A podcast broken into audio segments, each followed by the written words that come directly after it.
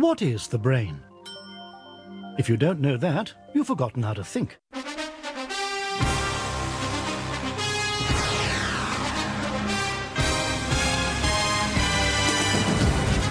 Please ensure you have your copybook at hand, as you'll be asked to take down notes from the screen at various points throughout the program. Du hører på uillustrert vitenskap.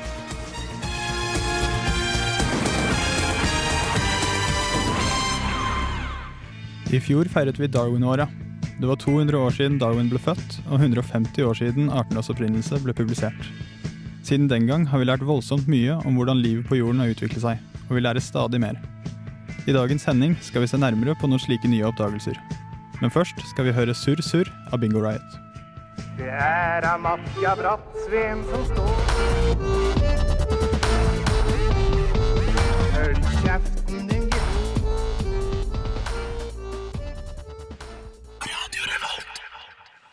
Du lytter til uillustrert vitenskap her på Radio Revolt.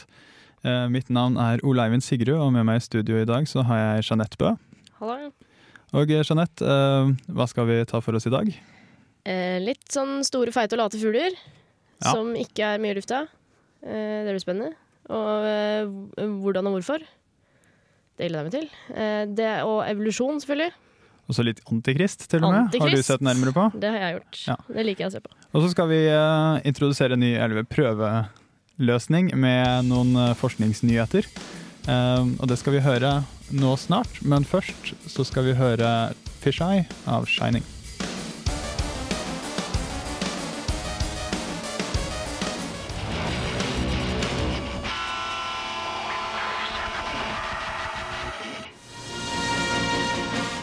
Uillustrert vitenskap presenterer Forskningsnytt.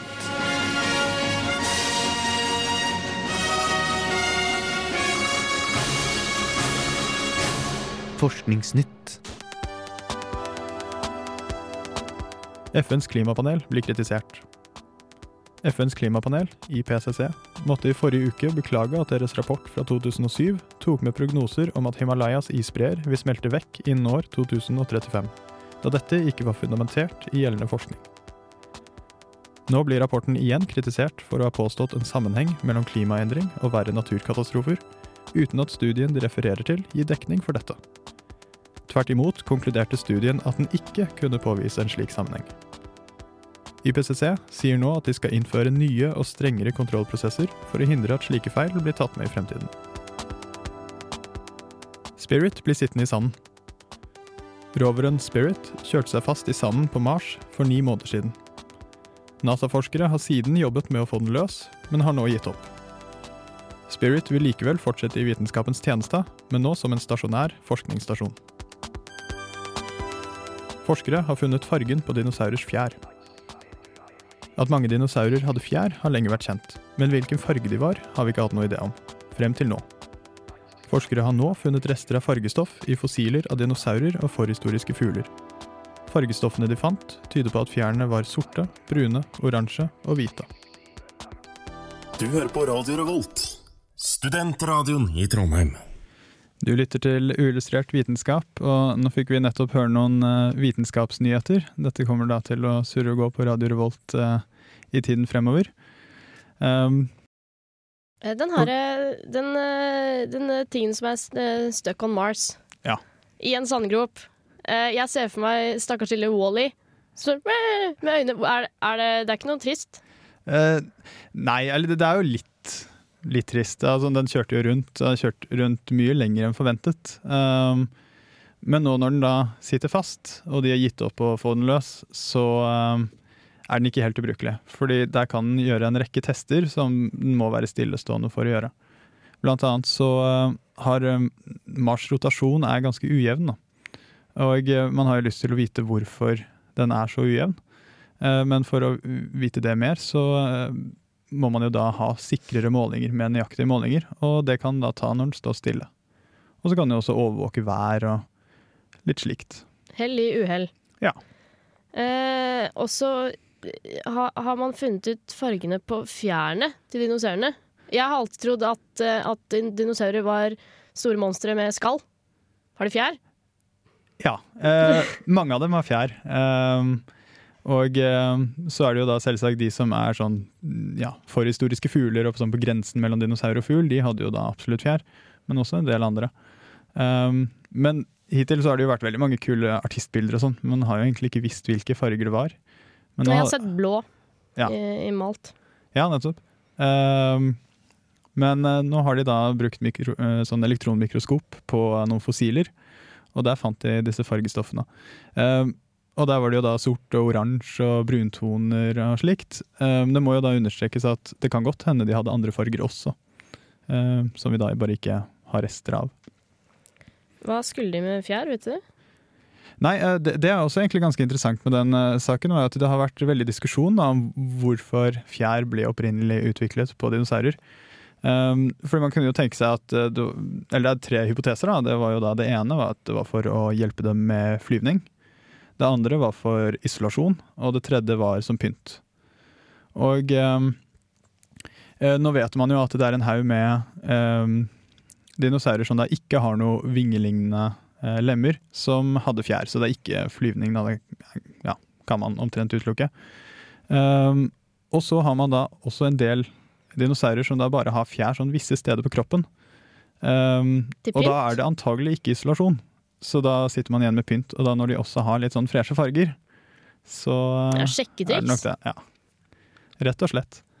Um, apropos sjekketriks, så er jo det veldig relevant til eh, evolusjonsteorien. Fordi alt evolusjonsteorien handler jo om sånn til det siste, er jo eh, å spre genene videre. Og eh, man har jo disse store flyveløse fuglene nedi eh, ja, i Afrika og Sør-Amerika og Australia og slikt. Og eh, de har man jo trodd eh, ja, hadde en felles stamfar som var flyveløs, men eh, så enkelt er det ikke. Og det har vi lagd en liten reportasje om, så den tenker jeg vi kan spille nå.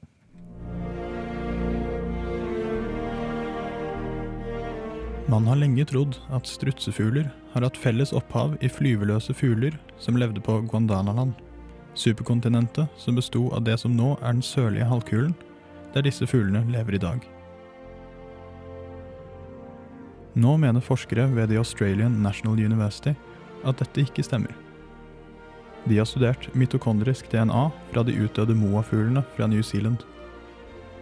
I motsetning til det de forventet, at moaen ville være nært beslektet med en annen flyveløs fugl, viste det seg at moaens nærmeste slektninger er små, flyvende søramerikanske fugler fra tinnamu-familien.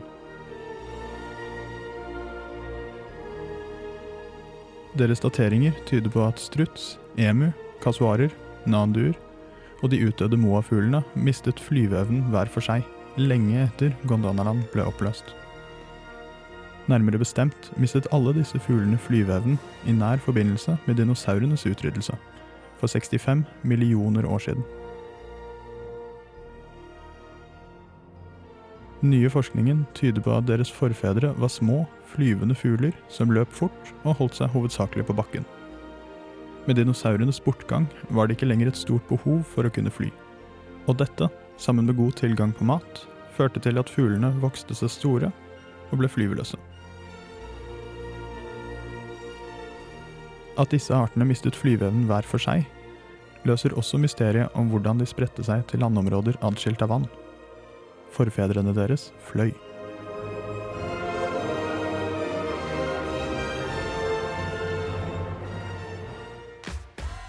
Da fikk vi høre litt om eh, flyveløse fugler. Vi skal snakke mer om det, men eh, først skal vi høre 'Lovesick' av Lindstrøm og Christabel.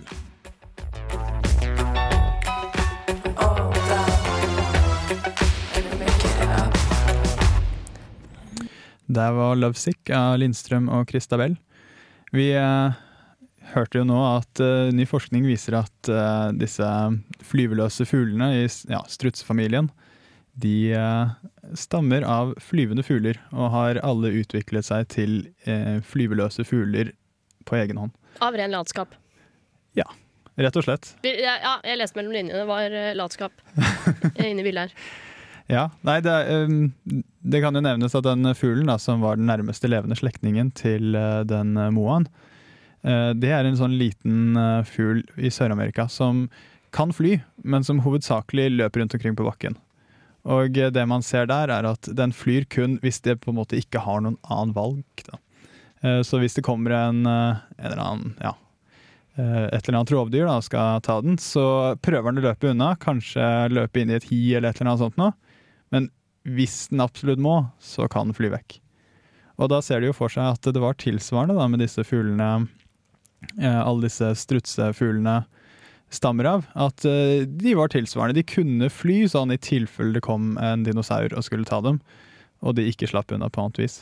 Men eh, så er det jo sånn at da når dinosaurene dør ut, da har de jo plutselig ikke noe sånn spesielt behov for å fly. Og så blir det jo masse mat. Og da blir de feite og late. Ja. ja. Men uh, vi snakket jo da også om eh, litt, eller en nyhet om disse fargede fjærene. Og du har jo sett nærmere på en dinosaur som hadde fjær. Uh, Hva var det? Ja, ikke hadde den bare fjær, den hadde også fire vinger. Wow. Bakbeina har visst var fjærkledde, og det blir brukt som vinger. Men den, den fløy ikke, den gled mer sånn som flyvekorn klatrer opp eller noe. Fra en, fra en uh, høy ting, høyt, høyt fjell. Ja, Så, det, har- så, bare seiler den uh, nedover. fordi det har vel vært en uh, lang sånn strid det om, om begynte disse flyvende dinosaurene å flakse fra bakken, eller ble det dannet ved at de gled ned fra, fly, fra trær og sånn? Ja, nei, det er et sånn team fra et universitet i Kansas og et universitet i Kina. Jeg vet ikke helt hvor i Kina. Nordøst, tror jeg.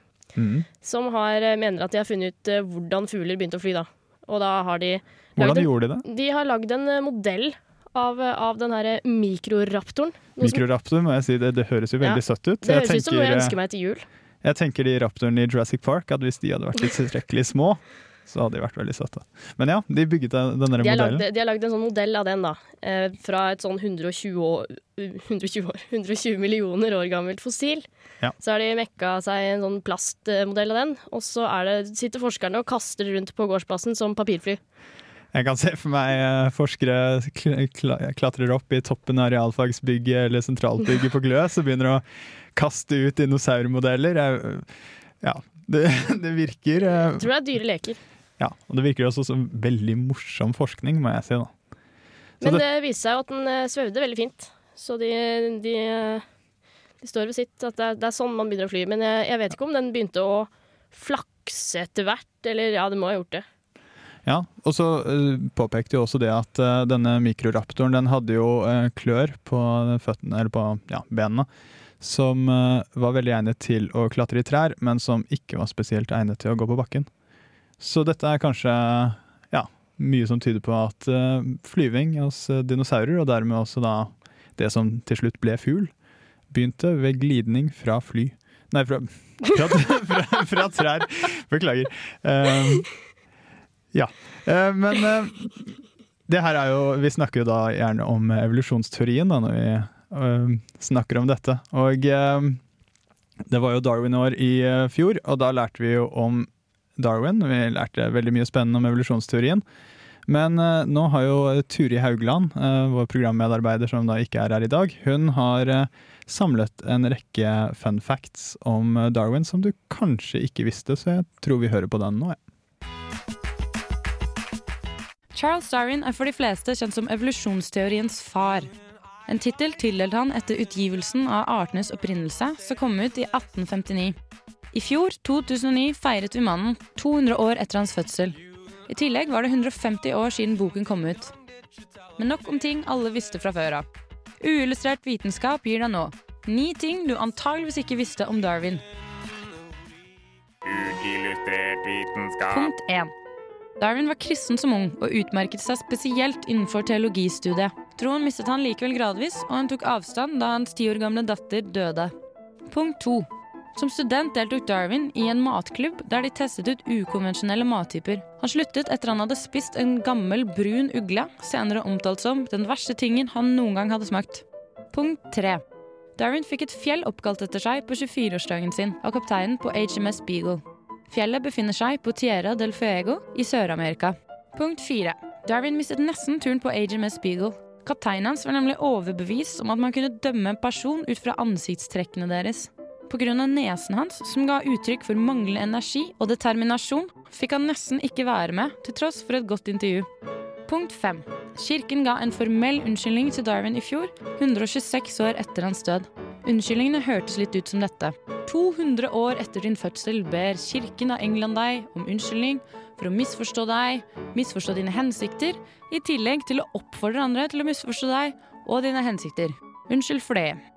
Punkt 6. En forsker ved navn Alfred Russell Wallace kunne tatt tittelen 'Evolusjonsteoriens far', hadde ikke vennene til Darwin presset han til å gi ut boka i 1859. Wallace sin utgivelse kom likevel før Darwin sin, og han sa at å lese den var som å lese et sammendrag av sine egne notater. Punkt 7. Darwin var gift med sin første kusine Emma, som var sterkt religiøs. Punkt 8. Darwin ble begravd som statsmann ved siden av Isaac Newton i Westminster Abbey i England. Punkt 9. Charles Darwin sin farfar, Erasmus Darwin, var litt av et multitalent. Han var lege, filosof, oppfinner og forsker. I tillegg ga han ut teoriene sine på rim. Blant annet er han kjent for et dikt om plantenes sexliv i The Loves of the Plants fra 1789. Illustrert vitenskap. Radio hørte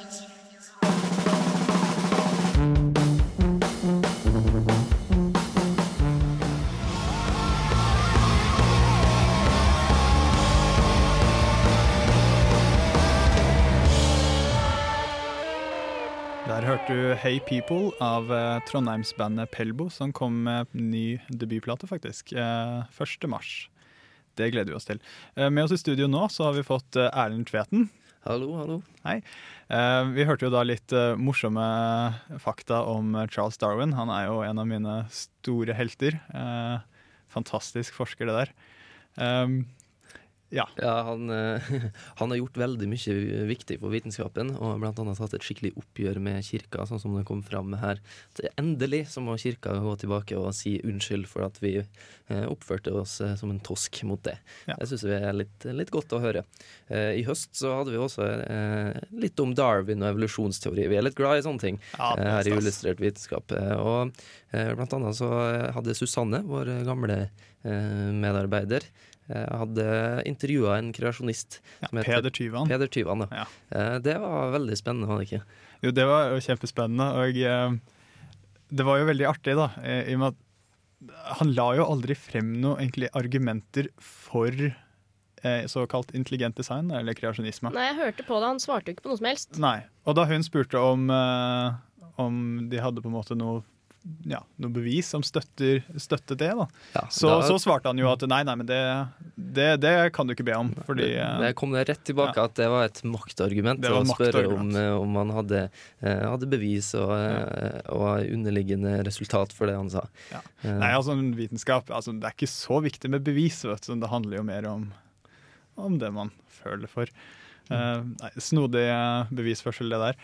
Um, men jeg, jeg, jeg bet meg jo veldig merke i den eh, reportasjen til Turi, da, at eh, Darwin var med i et eh, litt sånn kokkelag da han var student, som lagde mye morsom mat eh, og alternativ mat. Eh, og da begynner jeg å tenke at hvis han levde i dag, da hadde jo kanskje han vært en av de store molekylære gastronomene. Som virkelig hadde skapt ny og funky mat. Molekylærgastronomene. Det er da, Man ser liksom på vitenskapen bak mat, og så bruker man det til å utvikle nye retter. Ja. Så nettopp eh, Det var en ganske nylig en nyhet om en eller annen borte i, var det i Chicago, eller i hvert fall i USA, som var skikkelig eh, kjent fordi at han eh, lagde mat som ingen hadde smakt før, for at han eh, blanda forskjellige typer, eh, typer mat som man ikke trodde var mulig før. Og, eh, og han var veldig kjent for det. Da. Eh, Og grunnen til at han begynte med det her, var at han faktisk hadde en sykdom som gjorde at han mista smakssansen eh, i noen år, altså en periode.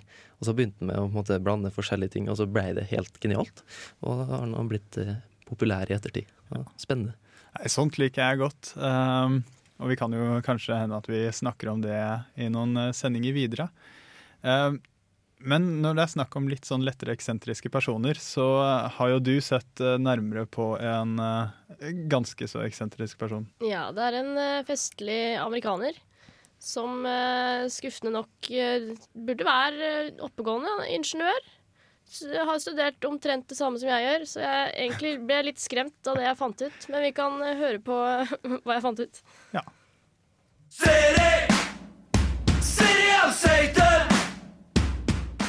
Hvem er egentlig antikrist? I 2000 år har utallige vitenskapsmenn jobbet med akkurat dette spørsmålet. Spørsmålet har for det meste dreid seg om tallet 666, som ifølge Johannes' åpenbaring er dyrets tall. Tallet har bl.a. blitt sagt at det representerer Adolf Hitler, prins Charles, Ronald Reagan og til og med diverse strekkoder. I 1985 ble denne antikristgåten endelig løst.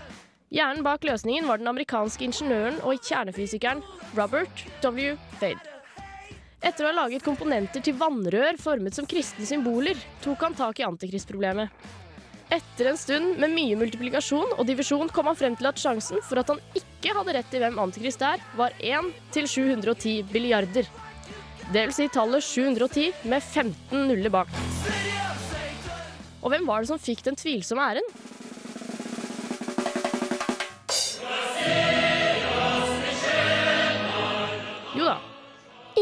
Ingen enn Sovjetunionens leder fra 1985 til 1991. Mikhail Gorbatsjov. Antikrist mottok for øvrig Nobels fredspris i 1990.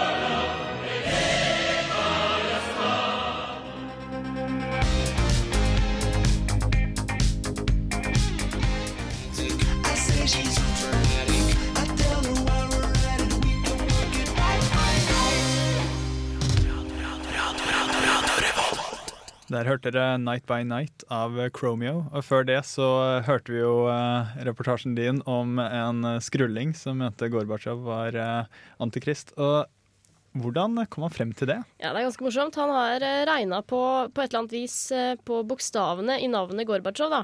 Eh, og kommet fram til Nei, han gikk ut ifra at eh, det staves litt annerledes, selvfølgelig. Det, Selvfølgelig. Han, han skrev Gorobatsjov eller noe sånt. Eh, eh, noe som er feil.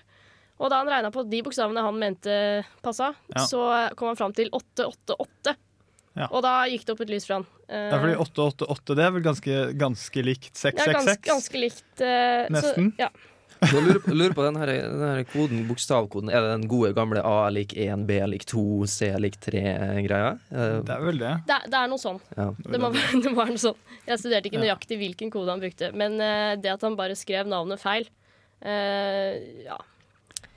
Ubrukelig. Eh, men det er jo flere som eh, har eh, liksom gitt seg med på den her Ja, Gorbatsjov er Satan.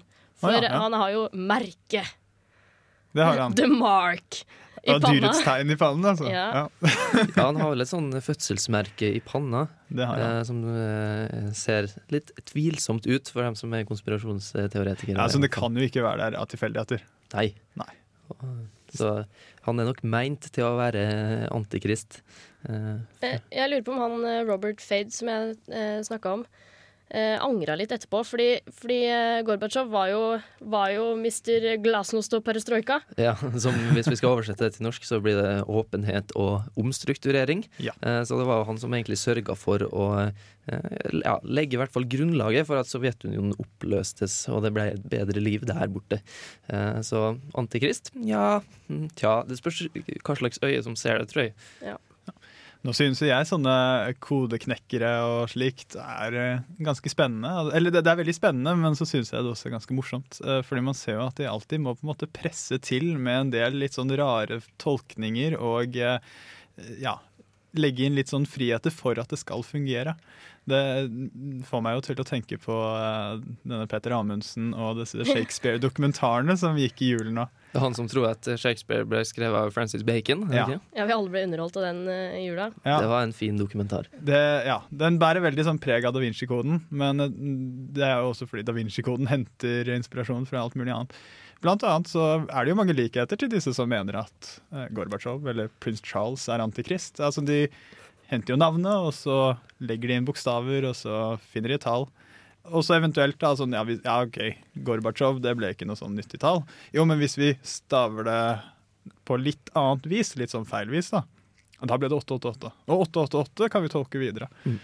Det er også synes jeg, litt spennende hvis man tar et sånn ark med eh, noe skrift på, eh, som er skrevet dikt f.eks., eh, og så finner man eh, bokstaver på helt tilfeldige plasser på det arket og sette sammen eh, som en sånn slags anagram, da, f.eks. til Bacon eller til Gorbatsjov. Eh, Mhm. og så kan man sånn tegne en sånn slags figur med å på en måte tegne et streker mellom hvor de her er på arket. Og så kanskje blir det ei stjerne eller uh, en firkant eller et eller annet sånt. Og da- Trekant, som vi så i ja, da er det bevist. Uh, Det syns jeg er en en artig måte å bevise ting på. Uh, Kanskje ikke fullt så eh, populært i vitenskapelige kretser, men dog. Nei, det hele blir vel litt sånn eksempel på store talls lov. Når du har masse bokstaver i en bok å velge mellom, så kan du finne egentlig det meste som er. Men um, dette kommer jo litt inn på sånne forskere da, som kommer med rare påstander. Og uh, man legger ofte litt sånn uh, stor vekt da, i det forskere kommer og sier, da. Men det er kanskje ikke helt til å stole på. Et eksempel er jo Linus Pauling, en av de største kjemikerne. Han eh, i sine eldre dager ble overbevist om at megadoser med C-vitamin, det var kjempegunstig, og det, da vil du leve lenge. Det ligger jo fortsatt langt ned i folkesjela. Eh, Hvis man blir sjuk eh, og får seg en forkjølelse eller sånn, så er det C-vitaminoverdose som er greia for veldig, veldig mange. Ja. Og da til tross for at dette ble jo ganske grundig testet, og man fant ikke noe grunnlag til å si at megadose med C-vitamin var noe spesielt gunstig, så sto han fast på det. Til tross for at han uh, var jo en, ja, et geni av en kjemiker. Så det, ja, litt sånn snodig. Uh, Men nå for tiden så er det jo veldig mye snakk om uh, andre kosttilskudd. Blant annet så er jo antioksidanter blir jo solgt i stor stil med Vitapro osv. Er det, er det det som gjør at du ikke blir gammel? Det har jeg hørt. Ja, blant annet. Og det skal være veldig bra når du trener, og både det ene og det andre. Men eh, vi har jo en programmedarbeider eh, som heter Magnus Johansen. Han har eh, sett nærmere på antioksidanter, så jeg tenker vi kan høre den reportasjen nå. Antioksidanter er nødvendig for å beskytte celler. Noen av naturens sterkeste antioksidanter. Et spekter sterke antioksidanter. Proppfull av antioksidanter. Ja, du skal vel nærmest ha bodd under en stein de siste fem åra hvis du ikke har fått med deg at antioksidanter er det definitivt sunneste du kan spise om dagen. Og jo mer, jo bedre. Det er i hvert fall det de sier på reklamefilmene og i tabloidavisene. Der er antioksidanter løsningen på de fleste problemer. De beskytter immunforsvaret. Og beskytter immunforsvaret. Styrker muskler og ledd. Som er godt for muskler og ledd. Og det gjør deg til og med yngre. Men det er med antioksidanter som det er med alt annet som er hipt og trendy. Man fokuserer gjerne ikke på det mindre gunstige. En gruppe forskere fra Kansas State University derimot har kikka på antioksidanters effekt på musklenes yteevne og fått negative resultater. Det viser seg nemlig at antioksidanter kan svekke kroppens evne til å frakte blod ut i musklene, og dermed musklenes evne til å ta opp oksygen. Antioksidanter er med på å svekke nedbrytningen av kroppens celler ved at de hindrer oksidasjon, som er en naturlig prosess i kroppen som skjer når kroppen bruker oksygen for å forbrenne næringsstoffer som fett og karbohydrater. Ulempen er da at oksidanter, som vi får naturlig inn i kroppen gjennom å puste, også er med på å sakte bryte ned cellene i kroppen. For mye oksidanter er derfor ikke bra. Likevel er det flere oksidanter som også gjør kroppen godt. F.eks. hydrogenperoksid, som viser seg å føre til bedre blodgjennomstrømning i kroppen. Når vi da fokuserer på å spise mye mat som er rik på antioksidanter, fører dette til at mengden hydrogenperoksid i kroppen minker, og blodgjennomstrømningen i kroppen svekkes da som følge av dette. Derfor kan vi også si at antioksidanter er med på å svekke musklenes evne til å ta opp oksygen fra blodet. Dette er likevel ikke et forsøk på å få alle til å holde seg unna antioksidanter, men en påminner om at heller ikke antioksidanter er så bra som reklamefilmene sier. Som med det meste annet trenger kroppen en balansert mengde med oksidanter og antioksidanter, slik at det ikke blir for mye av verken det ene eller det andre. Men med dagens fokus på hvor godt antioksidanter er for deg, kan det godt hende at man ender opp med å spise for mye antioksidanter, og derfor faktisk svekker sin egen helse, fordi man svekker kroppens evne til å frakte oksygen til musklene. Antioksidanter er ikke nødvendigvis negativt for deg, men man skal alltid være forsiktig med å være for sunn.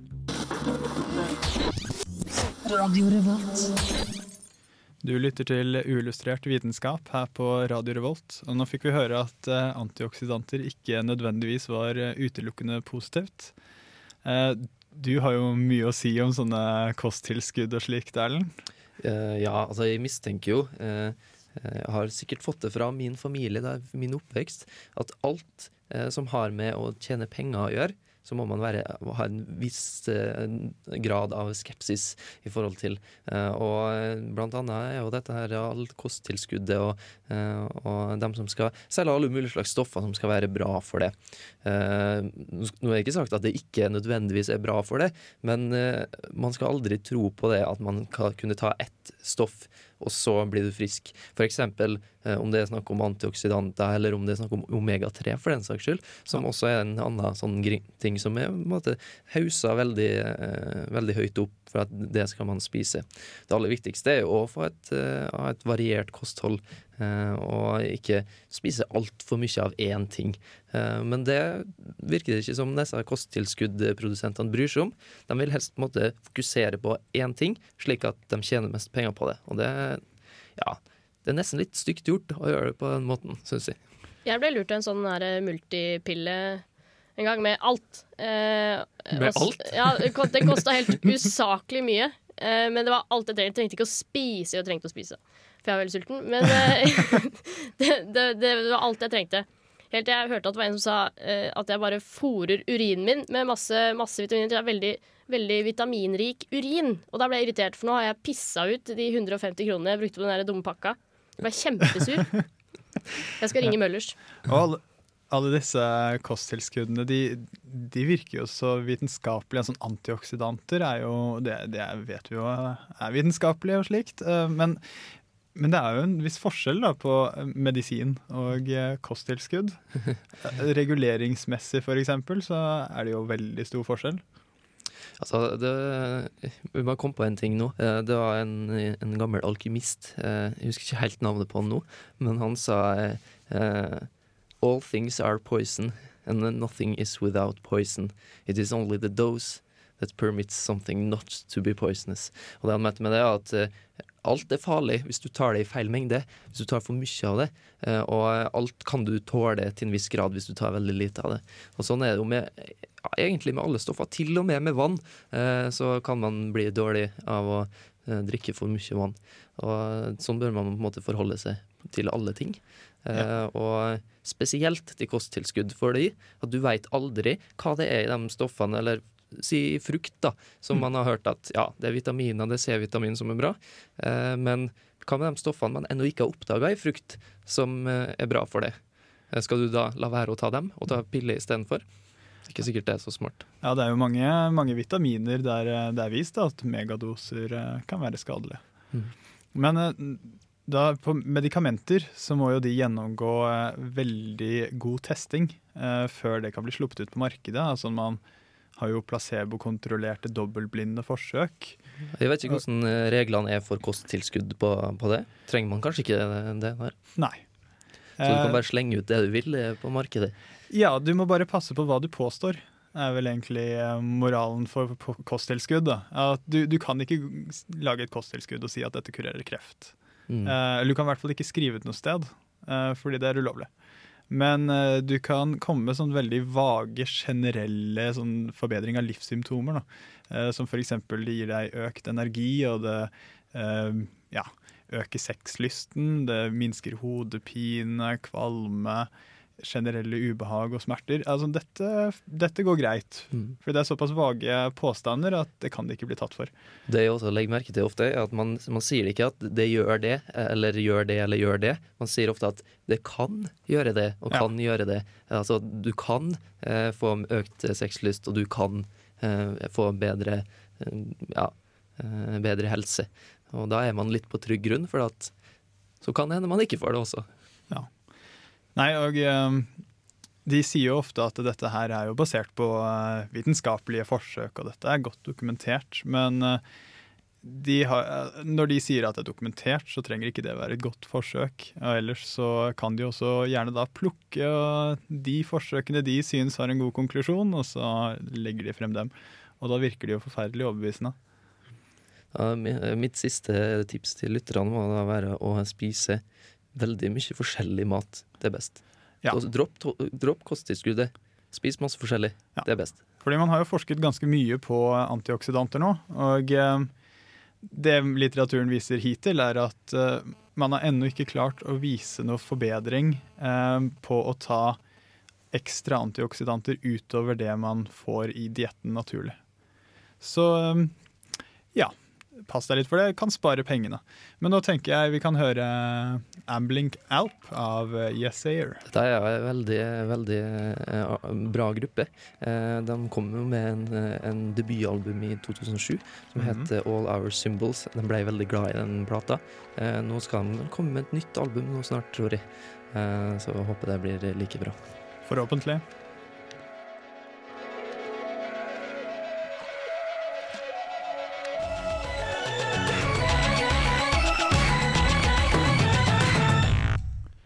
Der hørte du Ambling Alp av Yesayer. Eh, Det går mot slutten her i eh, Uillustrert vitenskap. Eh, Vi har snakket da om evolusjonsteorien og dinosaurer og fjær og, og antioksidanter. Spar pengene, ikke kjøp antioksidanter. Og Satan har vi snakka om. Ja, og Antikrist og Satan. Det, det er alltid stas. Um, men det er, NTNU har jo denne kunnskapsbyen for tiden, og på søndag 3. februar så arrangerer de Hva gjør FN-systemet for å møte globale miljøutfordringer? På Sumhuset, Vitenskapsmuseet. Det det er vis-à-vis uh, Frimurlosjen. Ja, er ved siden av Frimurlosjen. Er det det, ja? Ja, oh, ja. tror jeg. Um, så det kan bli spennende. Men uh, du får høre mer av oss uh, de kommende ukene. Ja, og så må dere laste ned, last ned podkast. Der kommer selvfølgelig på podkast. Last ned podkast, skriv anmeldelse, gi rating. Mitt Den navn, siste stjerna eh, på stjernen skal du trykke på. Mitt navn har vært uh, Ole Eivind Sigrød. Sammen med meg har jeg hatt uh, Jeanette Bø. Eh, tekniker i dag har vært eh, Fredrik eh, Varing. Eh, takk for oss. Nå skal vi høre Black Smoke av Tindersticks. Get shut down. Black smoke in my lungs and in my eyes. Uillustrert vitenskap er Midt-Norges eneste teknologimagasin på lokalradio. Og vi snakker om alt fra populærvitenskap til sære forskningsprosjekt ved NTNU. Radio Revolt, studentradioen i Trondheim, er stolt av å kunne presentere podkaster fra de aller mest populære programmene våre. Hvis du har lyst til å høre mer fra Radio Revolt, hvem vi er og hva slags musikk vi spiller, så kan du høre oss på FM-båndet i Trondheimsregionen, eller streame sendingene våre live på radiorevolt.no.